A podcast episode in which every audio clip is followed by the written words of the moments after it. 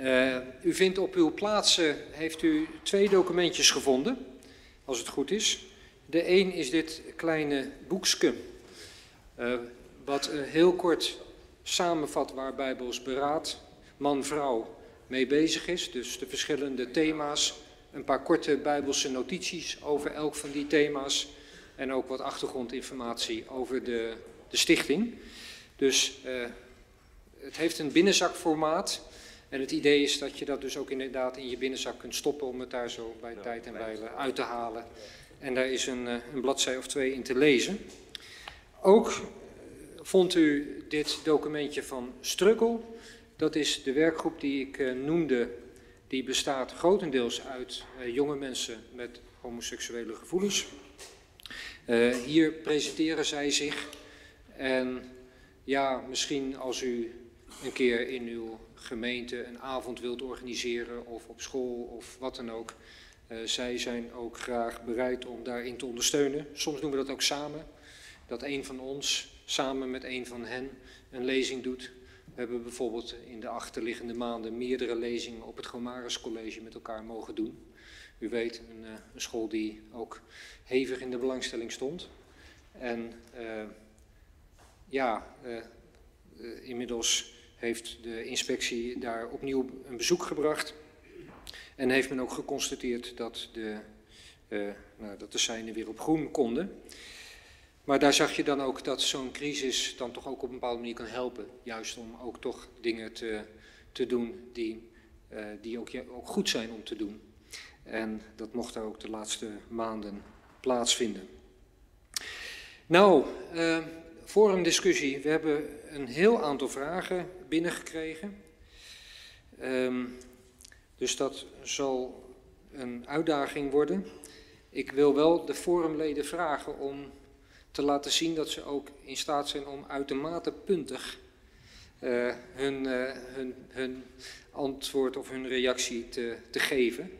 Zodat we, uh, ja, zeker de predikanten onder u, die zo gewend zijn aan monologen van enige lengte, die, nou ja, ik denk dat ze het wel kunnen. Nou. Um, Dominee Klaassen, ik, de eerste vraag is voor u. U had het over de roeping van een vrouw om kinderen te baren. Maar wat is nou de roeping voor een vrouw als je ongewild kinderloos bent? Zou u daar in één of twee zinnen iets van kunnen zeggen?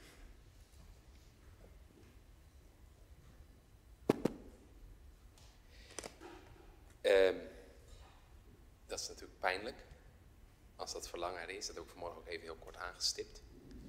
Het contrast tussen bewuste kinderloosheid en ongewilde kinderloosheid. Um, ja, je vroeg iets harder. Ja, ik kan misschien beter zo gewoon pakken. Ja, dan doen we dat. Um, ja, je vroeg om een kort en puntig antwoord.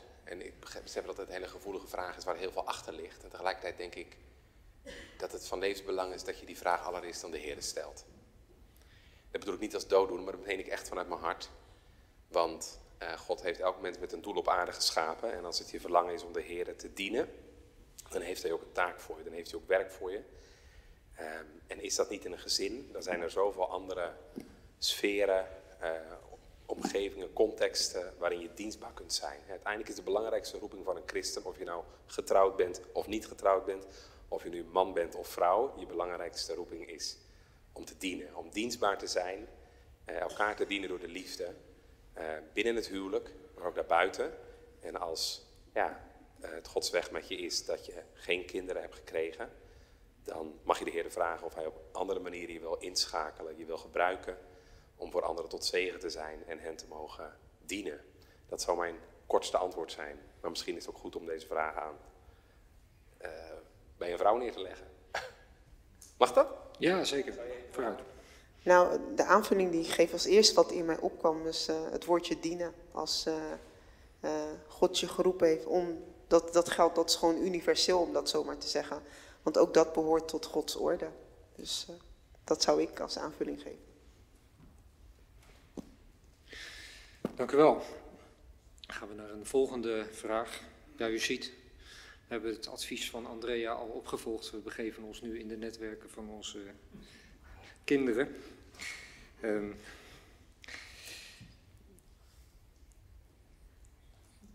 Binnen een kerkenraad is de vraag, heerst de mening dat catechese vooral bedoeld is voor dogmatische overdracht? Heeft handvaten, moet het daarnaast ook handvaten geven om ruimte te creëren voor een christelijke levenswandel? Andrea, jij maakte daar een opmerking over dat de tijd wel voorbij is, dat catechisatie alleen over dogmatiek zou kunnen gaan. Geruime tijd zelfs, zei je. Uh, misschien wil je daar nog een, uh, iets over zeggen van waarom je uh, daar zo stellig over bent? Dogmatiek is natuurlijk heel belangrijk. Laat ik dat even voorop stellen, dat ik uh, daar niet van beticht word straks. Um, maar het gaat denk ik in deze tijd erom of we ook oog hebben voor de verpakking. In de tijd waarin onze jongeren leven. Alles wat hun aangeboden, wat zij aangeboden krijgen via social media bijvoorbeeld, is helemaal toegespitst op hun leefwereld echt perfect gematcht met wie zij zijn. En als wij dan um, een dogmatiek droppen, dan landt dat niet. Dus eh, dat kunnen we ook verpakken. De dogmatiek is een uittreksel van Gods woord. Als we het al in de verpakking van Gods woord aan het hart van de jongeren proberen te leggen, dan hebben we ze al meer dan wanneer het een dogmatiek is die gedropt wordt. Dat was. Dankjewel. Ja, daar zou ook veel meer over te zeggen zijn, maar ik denk dat je een goede eerste aanzet gaf. Ik heb een vraag aan de heer Zuidam. Uh, in uw lezing gaf u aan dat uh, ja, het belang van de geschiedenis, hè, hoe dat ook een anker is voor ons denken, ook om ons op te oriënteren. Maar ja, hoe zeker kun je nou zijn van de geschiedenis als die steeds geschreven wordt? En u gaf zelf dat voorbeeld van koning Willem II waar dan recent duidelijk is geworden hoe bepaalde dingen echt lagen. Uh, dus hoe zorg je ervoor, ja, hoe kun je je dan op een betrouwbare manier nog oriënteren op de geschiedenis? Hoeveel uur heb ik? Mijn korte antwoord is: uh, ga terug naar wat onze tijd uh, steeds minder doet, vooral in de menswetenschappen. Ga terug naar de bronnen en neem die ernstig. We leven in een tijd dat er in de wetenschap bronnen gebruikt worden voor zover ze zinvol zijn voor onze zingeving. Met andere woorden, we doen ermee wat we zelf willen. Maar als we gaan kijken naar, de, naar de, wat dan in de wetenschap de primaire geschiedkundige bronnen heet, dus de echte documenten, wat heeft Cyprianus geschreven, wat schreef Thomas van Aquino? Waarom deden ze dat? Wat waren de mensen in die tijd die ook schreven? En dat je dat vergelijkt in, in context. Dan kun je zien hoe er over bijbelse waarheden gedacht werd. Hoe dat vorm kreeg in die tijd. Want in het beleiden van de kerk, zowel in de Nederlandse geloofsbeleidenis als bij Paulus, bij Tertullianus openbaart God zich op twee manieren in de Bijbel. Maar wat vaak dan als eerste genoemd wordt door die mensen, ook door Calvijn, is in de schepping en de onderhouding van alle dingen. En zo moet iedere generatie weer opnieuw trouw zijn. En er zijn zoveel geslachten die, die dat ook gedaan hebben en die ons zijn voorgegaan, die met de schrift en met Gods woord en wat hij duidelijk maakt in de natuur geworsteld hebben. En elke tijd die heeft ze falen. Maar het mooie is dat op afgeleide wijze de geschiedenis normatief is, in zoverre ze die twee dingen van de openbaring van God reflecteert. Mm Met andere woorden, de geschiedenis is een anker, maar je moet wel goed lezen. Uh, en de dingen ook in hun context lezen. Mag ik het zo uh, in één zin samenvatten? Nou, het is vooral een anker in een tijd die op hol geslagen is, zoals de onze. Dan kun je zien dat er heel veel generaties waren die het wel zagen. Die nou niet meer leven, maar waar we wel geestelijk gemeenschap mee hebben. En op die manier En die hun geschriften ook voor... nagelaten hebben. Ja. ja, ja, dankjewel. Ehm ja, een vraag die, of een onderwerp wat vandaag niet aan de orde is geweest, maar waar wel ook een vraag van was, en die denk ik toch ook wel terecht was. Eh, hij werd in eerste instantie aan dominee Klaassen gesteld, maar ik wil aan Jurgen vragen of hij het eerste antwoord wil geven. En dan mag dominee Klaassen daar nog aan toevoegen. Ehm, ja, u had het over het eh, huwelijk. Man en vrouw hebben een gemeenschappelijke taak. Het is on- onmogelijk om deze taak alleen te vervullen. Maar goed, er zijn ook singles. Er zijn ook alleengaanden. Ehm, en Paulus zag dat alleen zijn als een, een roeping.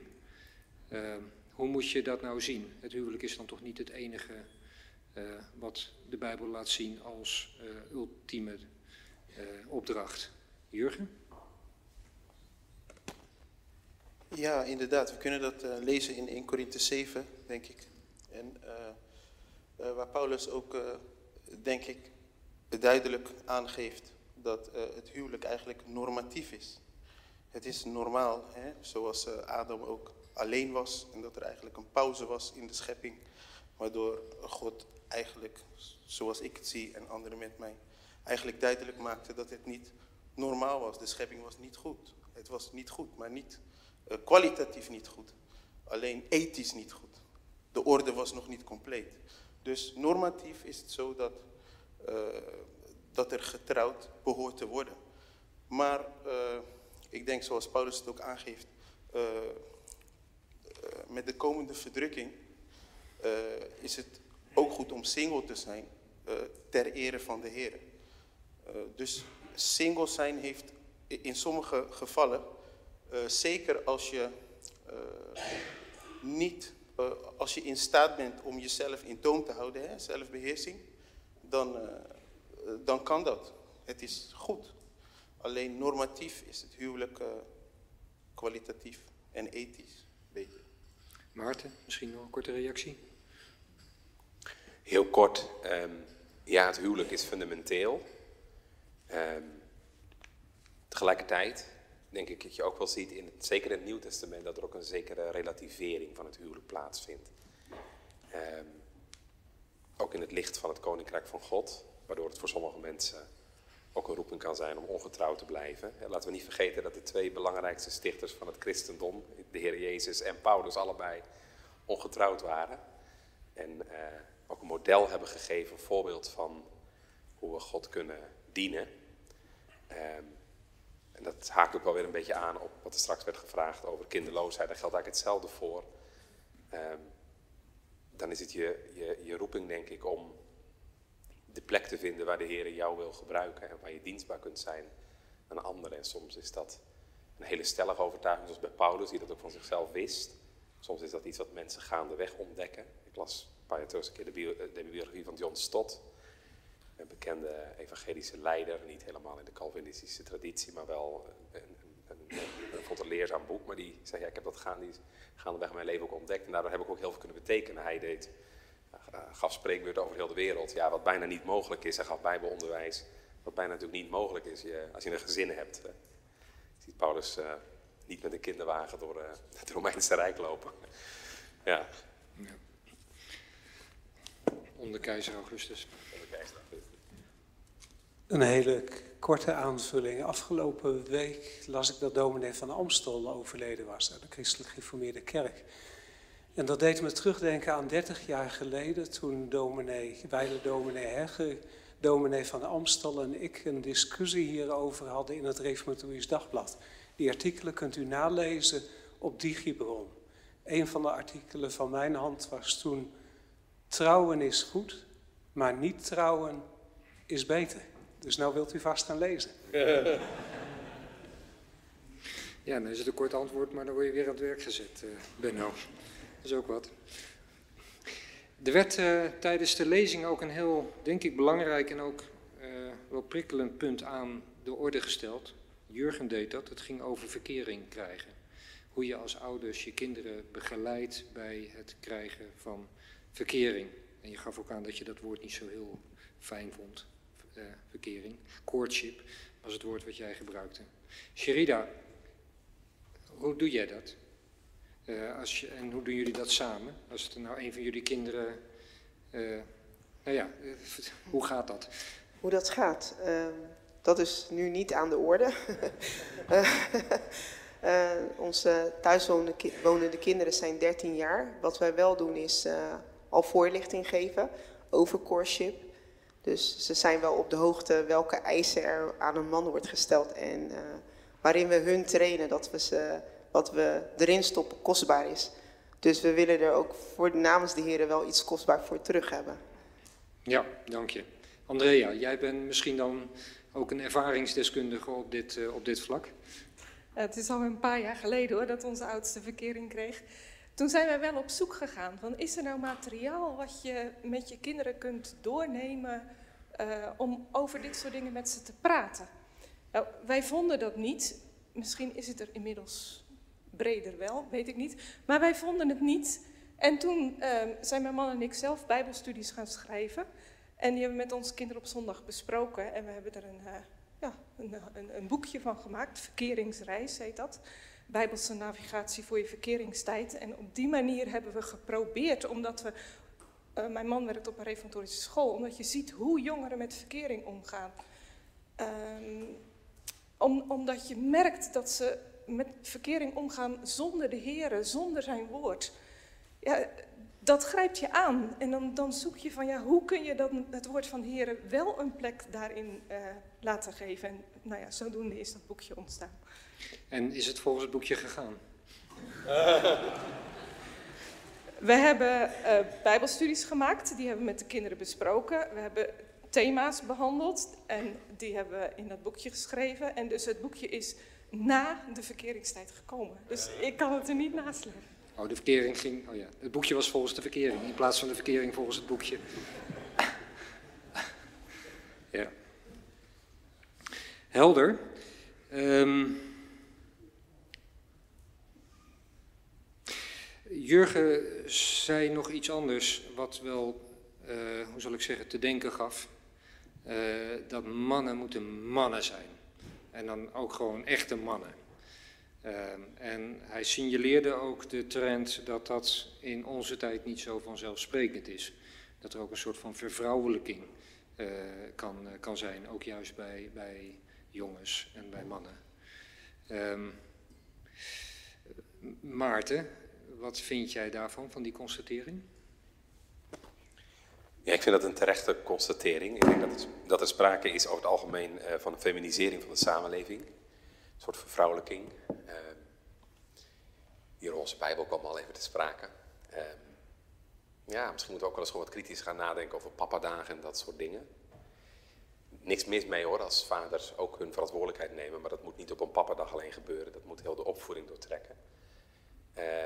Ehm, ik denk dat er wel degelijk vanuit de schrift ehm, ja, bepaalde criteria te vinden zijn voor wat mannelijkheid en vrouwelijkheid inhoudt. Ik heb vanmorgen heel kort even wat dingen aangestipt. Dat, dat, dat zou je een thema apart kunnen doen. En het klopt ook wel wat, wat, wat Andrea straks zei, van, daar is in Nederland ook eigenlijk best wel weinig aandacht voor. Terwijl je in, in de Amerikaanse setting, de Anglo-Saxische wereld, daar veel meer over vindt. Hè? Met name rond, uh, uh, hoe heet het ook weer, de Council of Biblical Manhood en Womenhood.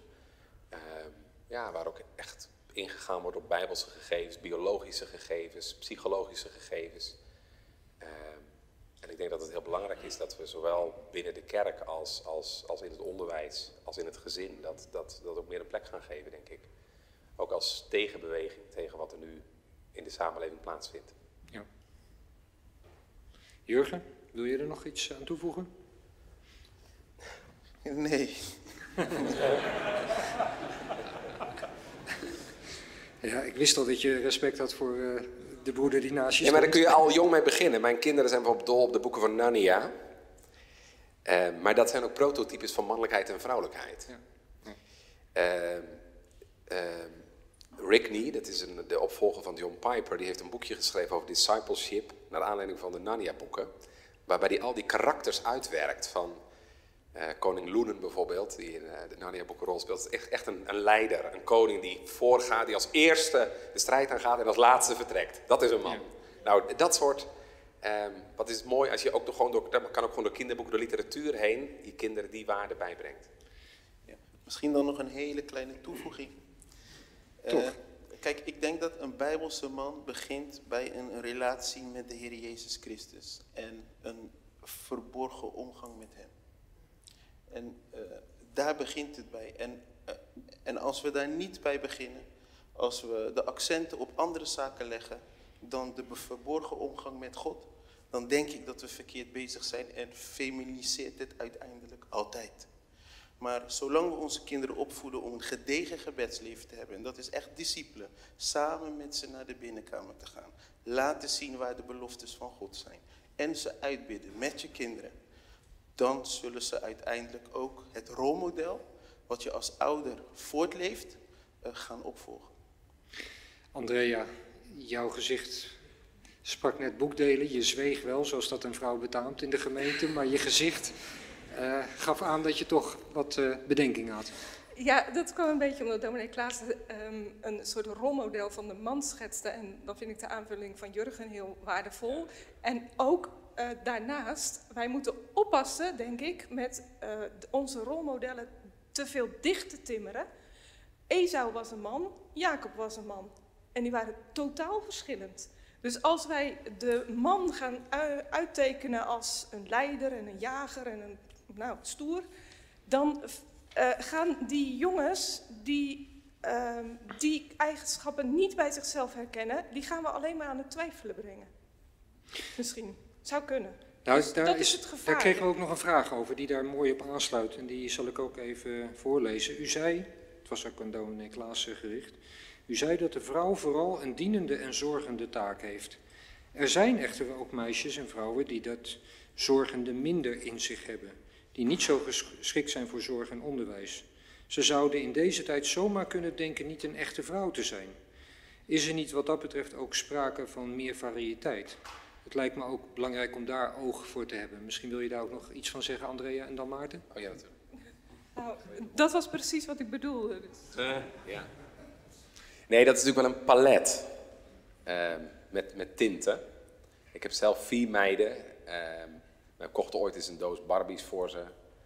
Hebben ze nooit naar gekeken. Het zijn van het type bomen klimmen en uh, bebloede knieën en zo. dus het zijn halve jongens. Dus ik zie ook wel dat daar uh, variëteit in is. En uh, ik denk ook dat het mag. Ik, vond, ik, vind dat een heel mooi voorbeeld wat je noemt van Jacob en Esau. Hè, uh, ja, wij zouden zeggen Jacob is meer vrouwelijk. Hè? Thuis, binnen, eh, graag koken, zorgen, dienen. Esau is meer stoer, mannelijk. Maar je ziet ook dat uiteindelijk Jacob wel zijn mannelijke rol vervult. Hij trouwt, krijgt kinderen, is een leider. Ja, niet altijd een goede leider, maar gaandeweg. Dat is ook een heel proces van dat de Heer met hem gaat, de hele weg die de Heer met hem gaat. Um, en um, dus natuurlijk mag die variëteit er wel zijn. En je moet ook oppassen dat je um, kinderen in een, in een mal gaat stoppen. dat vind ik het aardig bijvoorbeeld even van, van die Narnia-boeken. Er zijn heel veel karakters. En, en de een past meer bij jou dan de ander, maar wel binnen, binnen de orde van God gegeven. Ja. Ja, dankjewel. Ik heb hier ook nog een vraag, vraag en misschien is dat wat uh, voor Sherida om daar als eerste op te reageren. In hoeverre is het verantwoord om als vrouw buitenshuis te werken? En is het bijbels om te werken als grootouders of anderen een aantal dagen per week oppassen? Um, ja, kort maar krachtig. Um, wat is een aantal dagen? Um, ik denk als je twee dagen werkt, uh, ik noem maar even wat, als je twee dagen werkt, dat het, uh, dat zou kunnen. Maar het werk is ondergeschikt aan dat andere wat je doet, dus het onderwijs, um, wat je thuis geeft. Dat dat niet in het gering komt. Want um, ik werkte bijvoorbeeld vier dagen en dat heeft met mij dan te maken. Maar ik, ik kon niet uh, alle ballonnen omhoog houden. En als dat het geval is, dan ervaar je onrust van binnen. En dan moet je je agenda moet je gaan afvragen, is mijn agenda ook nog steeds Gods agenda? En dat is iets wat we iedere dag ons moeten afvragen. Dus dat is iets wat je met God aan moet gaan. Ik wil wel daarin bemoedigen dat het niet gelijk zo moet zijn. Oh, maar anders heb ik te weinig geld of anders komen we niet uit. Dan, uh, ja, dan is het God leren kennen. En met God leren kennen klinkt abstract, maar de eigenschappen van God. Wie is God? En uh, ja, dat is, uh, ja, dat is het. Ik wil nog één punt aansnijden waar jullie met elkaar misschien ook over iets, iets over kunnen zeggen. Uh, Andrea maakte nadrukkelijk dat punt van als kerk moet je, of als ambtsdragers moet je ook aanwezig zijn in de netwerken van de jongeren. En je doelde daar ook op de digitale netwerken en je noemde als voorbeeld, uh, maak eens een appgroep aan voor de uh, dat punt is natuurlijk ook best discussie over. Er is ook een denkschool die zegt van ja, maar dat moet je juist nou allemaal niet doen. Wij moeten onze kinderen weer leren lezen. We moeten juist ervoor zorgen dat we op een andere manier met onze kinderen in contact zijn. Um, en, uh, en, en juist als je je dan probeert alleen, dat digitale is nou juist ook het bedreigende.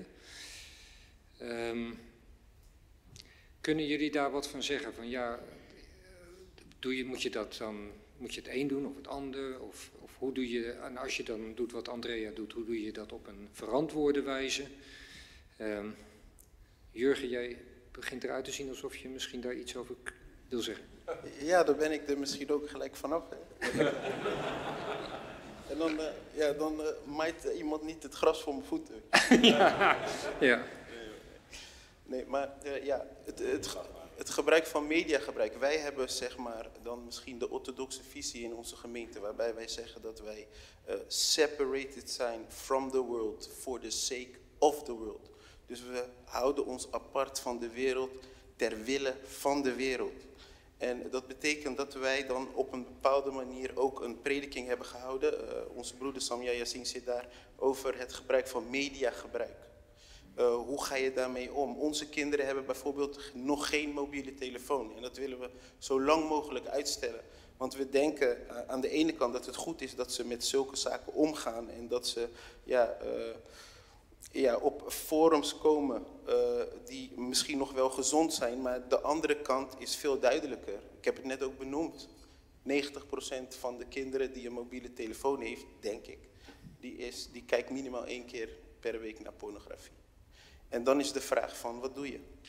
Uh, uh, geef je het aan ze en ga je er zelf in zitten? Of zeg je van, nee, ik stel het zo lang mogelijk uit? Dat betekent niet dat het uh, voor sommige kinderen misschien niet verkeerd is. Alleen uh, als we het gemiddelde gaan bekijken van al die apps die we kunnen downloaden en naartoe kijken, verliezen we ten eerste heel veel tijd die we aan de Heer kunnen geven. En ten tweede kunnen we ons gezicht vervuilen, omdat we niet altijd de bescherming kunnen bieden aan onze eigen kinderen. Benno, wil jij daar misschien ook iets van zeggen? Want jij bent ook nog een beetje soms een... Uh wereldbewoner die met verwondering kijkt naar de dingen in Nederland en hoe wij ze zijn gewend geraakt. Ja, soms kijk ik in stilte, zelfs als dominee. Maar uh, ik denk even terug aan mijn periode voordat ik dominee uh, werd. Toen was ik journalist. Ik heb journalistiek en mastercommunicatie gestudeerd. Een van de boeken die ik toen tegenkwam was Marshall McLuhan's The Medium is the Message. Mediagebruik is niet neutraal, wat je er ook al mee doet. En dan zit je met de spanning aan de ene kant eh, in de wereld, je kan er niet van wegkomen. En dan kan je doen wat de reformatorische scholen vroeger deden. Uh, je mag uh, niet bij ons op school komen als je ouders televisie thuis hebben. Ja, wat gebeurde er toen de mobiele telefoon kwam? Toen hadden de jongeren geen weerbaarheid. En werd het normaal om allerlei dingen te gaan bekijken. En ja, de anderen deden het ook. Het was tenminste geen televisie. Kon dan technisch gezegd worden. Dan ben je in een soort van fariseïsme beland. De voorvraag die je moet stellen is, uh, wil ik dit soort medium in mijn leven? Wil ik werkelijk WhatsApp en dat ding de hele tijd dat piep piep en dat het jouw leven beheerst? Breng dat je nader aan de Heer, een reflectie over het leven, aan een gezonde geest. Of juist niet. En moet een 11-jarig kind een smartphone hebben?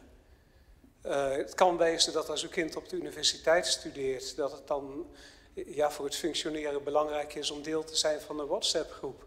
Maar zo moet je prioriteiten stellen en afwegen. Dat is iets wat ik bij mijn ouders geleerd ja, heb. Ja, dankjewel. Andrea, jij mag het laatste woord nu hebben op dit punt. Ik ga even terug, uh, helemaal terug naar jouw vraag. Jij uh, stelde het van uh, of online of offline. ik zou zeggen en en. En tegen die tijd dat wij zover zijn, wat Jurgen zegt, dat zou ook mijn ideaal zijn. Niet vroeg aan die mobiele telefoons beginnen. Alleen op dit moment leven we in een tijd waarin, denk ik, 90, 95, 99 procent van de catechisanten van jullie categorisatiegroep heeft een mobiele telefoon. Waarom zijn we er niet dan? En als zij er niet meer op zitten, mogen wij er ook weer weg. Alsjeblieft, graag, zo gauw mogelijk. Ik sprak een, um, een ouderling van een gereformeerde gemeente in Nederland... waar ik was voor een lezing bij een moedergroep. En die bracht mij op dat idee van een appgroep met catechizant. Want dat heeft hij. En hij ervaart zo de waarde daarvan... dat hij gewoon bij ze is, zeg maar even, via die telefoon. Dus zolang onze jongeren er zijn, denk ik dat het belangrijk is dat wij er zijn. Ja, ik moet je eerlijk zeggen, ik geef ook altijd mijn mobiele nummer aan de catechisanten. Uh, en dat is ook praktisch, maar het is ook een manier inderdaad om dan toch wel bereikbaar te, te zijn. Um, maar goed, ik constateer ook, en ik weet niet of jullie dat kunnen bevestigen, dat er een groeiende groep ouders is die toch terughoudender is in het geven van een smartphone aan hun kinderen. En die, dat, uh, die daar toch langer mee wachten dan dat diezelfde ouders een paar jaar geleden zouden gedaan hebben. Dus die, uh, die beweging is er ook en dat lijkt me een positieve. Goed, nou, ik uh, kijk maar weer eens naar de klok, dat doe ik vaak vandaag. Um, ik zou eigenlijk uh, de forumleden willen vragen om af te sluiten met één, allemaal één korte opmerking. En dat is een vraag aan elk van hun. Wat was nou datgene wat je vandaag hoorde van de anderen, wat je het meest te zeggen had? Uh, wat je het opvallendst vond? Wat je het meest trof? Elk daarvan even in ja, één of twee zinnen. Andrea, mag, wil jij beginnen? Ja, dat is een moeilijke vraag hoor, Laurens. Um, um, als ik terugkijk op deze dag, dan uh, ging, werd het warm van binnen bij het verhaal van Jurgen. En uh, omdat hij uh, zo het woord centraal staat, zet. En dat is waar ik ook naar uitzie. Ja, duidelijk. Benno?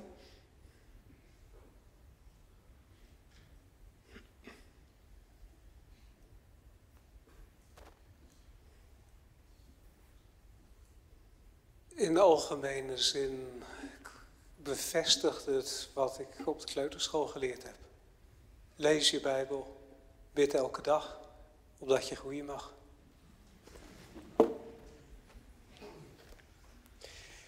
Ja, heel kort. Ik, werd uh, zowel bemoedigd door jouw lezing, de waarde van de geschiedenis. Ik heb zelf ook ooit geschiedenis gestudeerd. En alweer even in alle kracht terug. Hè? Ook uh, geschiedenis als spiegel, als leermeester. En ik werd ook bemoedigd door, door jouw verhaal. Ook wat ik gisteren in de RD las. Hè? Hoe God je bevrijd heeft. Ehm, dat was in 2008 las ik. En nu 14 jaar later sta je hier. Dat is ook een bewijs van wat ja, de kracht van Gods woord ook vandaag in jouw leven. En wat je nu deze boodschap aan ons mag doorgeven. Dat uh, nou, ik vond het een levend bewijs van hoe de Heer werkt. Ja, ik moet natuurlijk naar mijn vrouw wijzen. Uh. ik vind dat ze het voortreffelijk heeft gedaan. Vindt u niet? ja. Ja,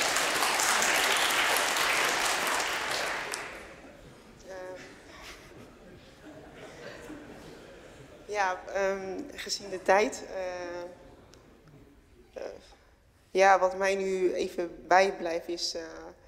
Uh, oud is nieuw geworden.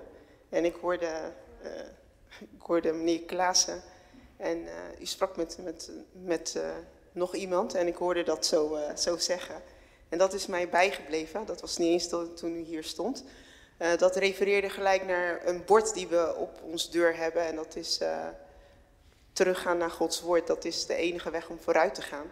Dat is een bord die we al heel lang hebben opgehangen op ons eh, eh, voordeur.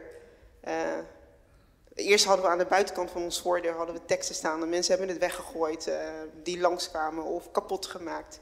En deze is blijven staan. En niet wetende dat dit in het RD ook nog een plekje mag krijgen waar het niet wordt weggegooid. Dankjewel.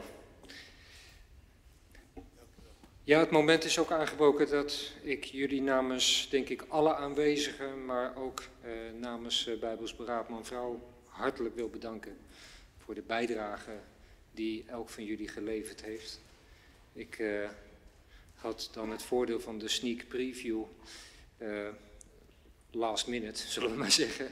Gisteren kwamen de lezingen binnen en ik kreeg toen wel wat hoop dat het een goede dag zou zijn.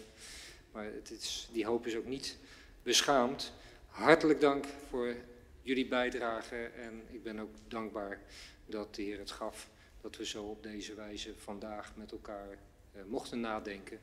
En dat er niet alleen, jij begon Maarten met dat er diversiteit en verschillen zijn en die waren er ook zeker in de, in de, in de verhalen, maar er was ook eenstemmigheid. En eh, hoe belangrijk is dat ook niet en hoe hartverwarmend is ook dat niet. We willen jullie toch ook een klein, hoe zal ik zeggen, materieel blijk van dank geven voor jullie bijdrage. En dan als je een echtpaar bent, dan heb je echt een voordeel, want... oh, nee, geen voordeel. Geen voordeel.